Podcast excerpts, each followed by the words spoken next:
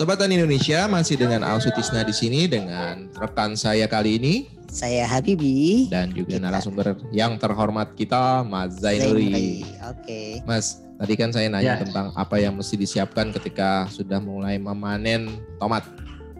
Monggo Mas. Ah, ya jadi ketika masa panen sudah tiba, oh, ini kan ini yang paling ditunggu-tunggu ini ya. Hmm. Ketika sudah berumur kurang lebih tiga bulan atau masuk di minggu ke 8 9 itu tomat udah bisa dipetik atau dipanen. Hmm. Ya, ciri-ciri yang sudah bisa dipanen itu seperti seperti kita bahas di awal, itu warna sudah berubah dari oranye ke merah. Hmm. Terus kulit sudah mengkilap Oke. Mm-mm. dan juga kalau eh, apa namanya? Ini untuk panen antara konvensional sama rumahan ya. Hmm. Kalau di rumahan mungkin kita bisa tunggu sampai merah 90%. Mm. Tapi kalau di lahan konvensional itu rata-rata mereka 70 sampai 80% merah udah dipetik. Oke. Karena untuk pengiriman jarak jauh nanti kan ada eh, penyusutan, kadar air berkurang, warna semakin merah di perjalanan. Hmm. Ah, ah. Mm-mm. Nah, untuk yang di rumah, cara metiknya gampang banget, cukup Hmm. dipotel sambil sedikit diputar, eh, itu buahnya udah bisa lepas. Jadi nggak perlu pakai gunting dan sebagainya. Oke. Oh, jadi tangkainya itu biar copot dari Iya. buah oh, gitu ya. Oke, oke. Hmm. Ah. Ya kita bisa petik kurang lebih dalam satu janjang itu bisa kalau petik perdana ya Hmm. Hmm. itu bisa satu sampai dua butir atau eh, satu sampai dua buah Mm-mm. untuk petik perdana dalam satu janjang. Mm-mm.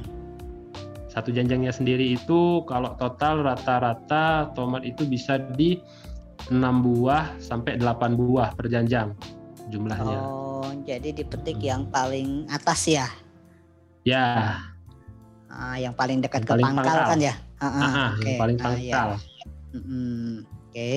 Terus itu disimpannya di mana tuh supaya nggak rusakan kalau misalnya ini ada yang dimasukin ke karung Iya, iya atau benar. ke Ah. pengki atau Penyimpanannya yang gimana? yang paling bagus tuh ditaruh di mana ya? Yang rusak. Eh, kalau untuk penyimpanan, karena kita kan tanam sendiri tuh, Mm-mm. berarti kan eh, ke depan sekitar lima hari ke depan itu kita bakal panen lagi, kita bakal petik lagi.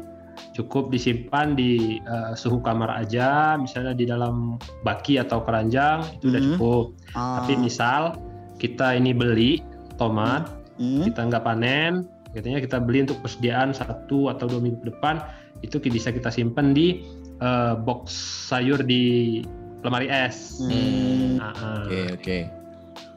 Iya. Sayur lemari es di Mm-mm. berarti langsung masuk kulkas ya Mas ya. Iya, masuk di kulkas. Mas, kalau udah tadi kita panen, terus Mm. media tanam yang setelah kita panen itu kira-kira bisa dikasih bibit baru kah atau emang perlu media tanam baru lagi? Mas? Ketika mau nanam Ah, baru ya. mau nanam baru Ah, ah. Kalau misalnya udah habis tadi gitu ya. setelah berapa Iya, kali? iya. Lima kali ya? Mm-mm. Jadi untuk eh, tanam ulang, Mm-mm. jadi kita mau terus nih, kita nggak Hmm. mau stop kan? Mm-mm. Kit- eh, media yang lama masih bisa kita pakai. Oh gitu. Mm-mm. Ah, ah.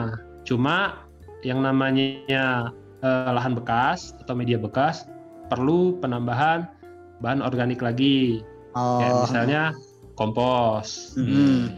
dan juga unsur haranya perlu kita tambah lagi. Oke. Oke. mm. Heeh. Cuman untuk polybagnya masih kalau satu musim itu masih bagus sih, Iya masih ya. bisa kita pakai lagi. Nah misalnya kita ya eh, satu media tanam itu bisa dipakai berapa kali nanam sih? Eh, kalau kondisinya tidak terlalu apa namanya ya, itu tergantung kualitas dari bahan ya. Hmm. Mm. Kalau polybag yang eh, cukup bagus itu biasanya 2 sampai tiga kali bisa. Oh bisa ya tiga kali. Hmm. Hmm. Nah, cuma kalau yang plastiknya materialnya agak tipis itu paling musim kedua dia udah mulai getas, udah mulai mau pecah kayak gitu, udah mulai Sobek-sobek robek. ya. Ah, ah, iya. Jadi pada intinya kalau sudah nanam kemudian habis panen media tersebut masih bisa digunakan dengan penambahan tadi ya. Ya. Ya, oke. Jadi jangan dibuang, jangan nyari yang baru ya. iya. Nyari yang baru masih bisa dipakai yang lama. Oke Mas, nih waktu kita terbatas nih sayang banget nih, padahal lagi Ah. masih enak-enaknya nih kita ngobrol nih.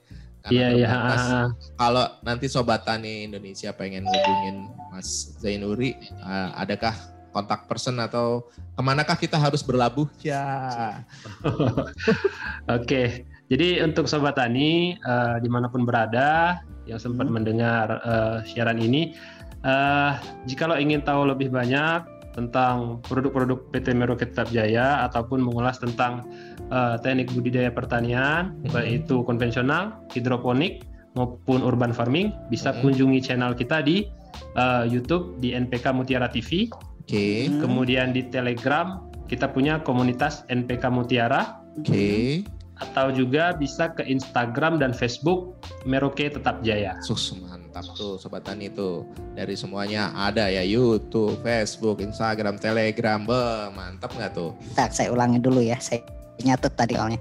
Jadi di channel YouTube NPK Mutiara TV, kemudian di Telegramnya itu komunitas Komunitas NPK, NPK Mutiara. Terus ada juga Instagram sama Facebook, Facebook. ya. Ya, betul. akunnya Mereka Merauke Merauke Tetap Merauke Jaya. Tetap Jaya. Oke, Sobat Indonesia, jangan lupa dicatat yang tadi ya. Yes. Oke. Oke, Mas Zainuri. Thank you so much. Makasih banyak. Ya, sama-sama. Oh, Bincang-bincang kita kali ini ya Mas. Ya. Hmm, ini lu Terbuka, dan saya pengen lagi luar biasa sama- gitu ya. Jadi saya nanti bisa minta hasil temannya ke Mas AO, kita bisa bikin jus bareng-bareng. Boleh, boleh, boleh, Mas. Siap, siap. Oke Mas Zainuri, makasih Terima banyak. kasih. Mohon maaf Ya, sama-sama. ada salah-salah kata ya, Bi ya. Akhir Iya, kata, betul kami. Ya, Mas. Saya Habibi dan saya Ausutisna. mohon pamit undur diri dari ruang dengar Sobat Indonesia. Assalamualaikum warahmatullahi wabarakatuh.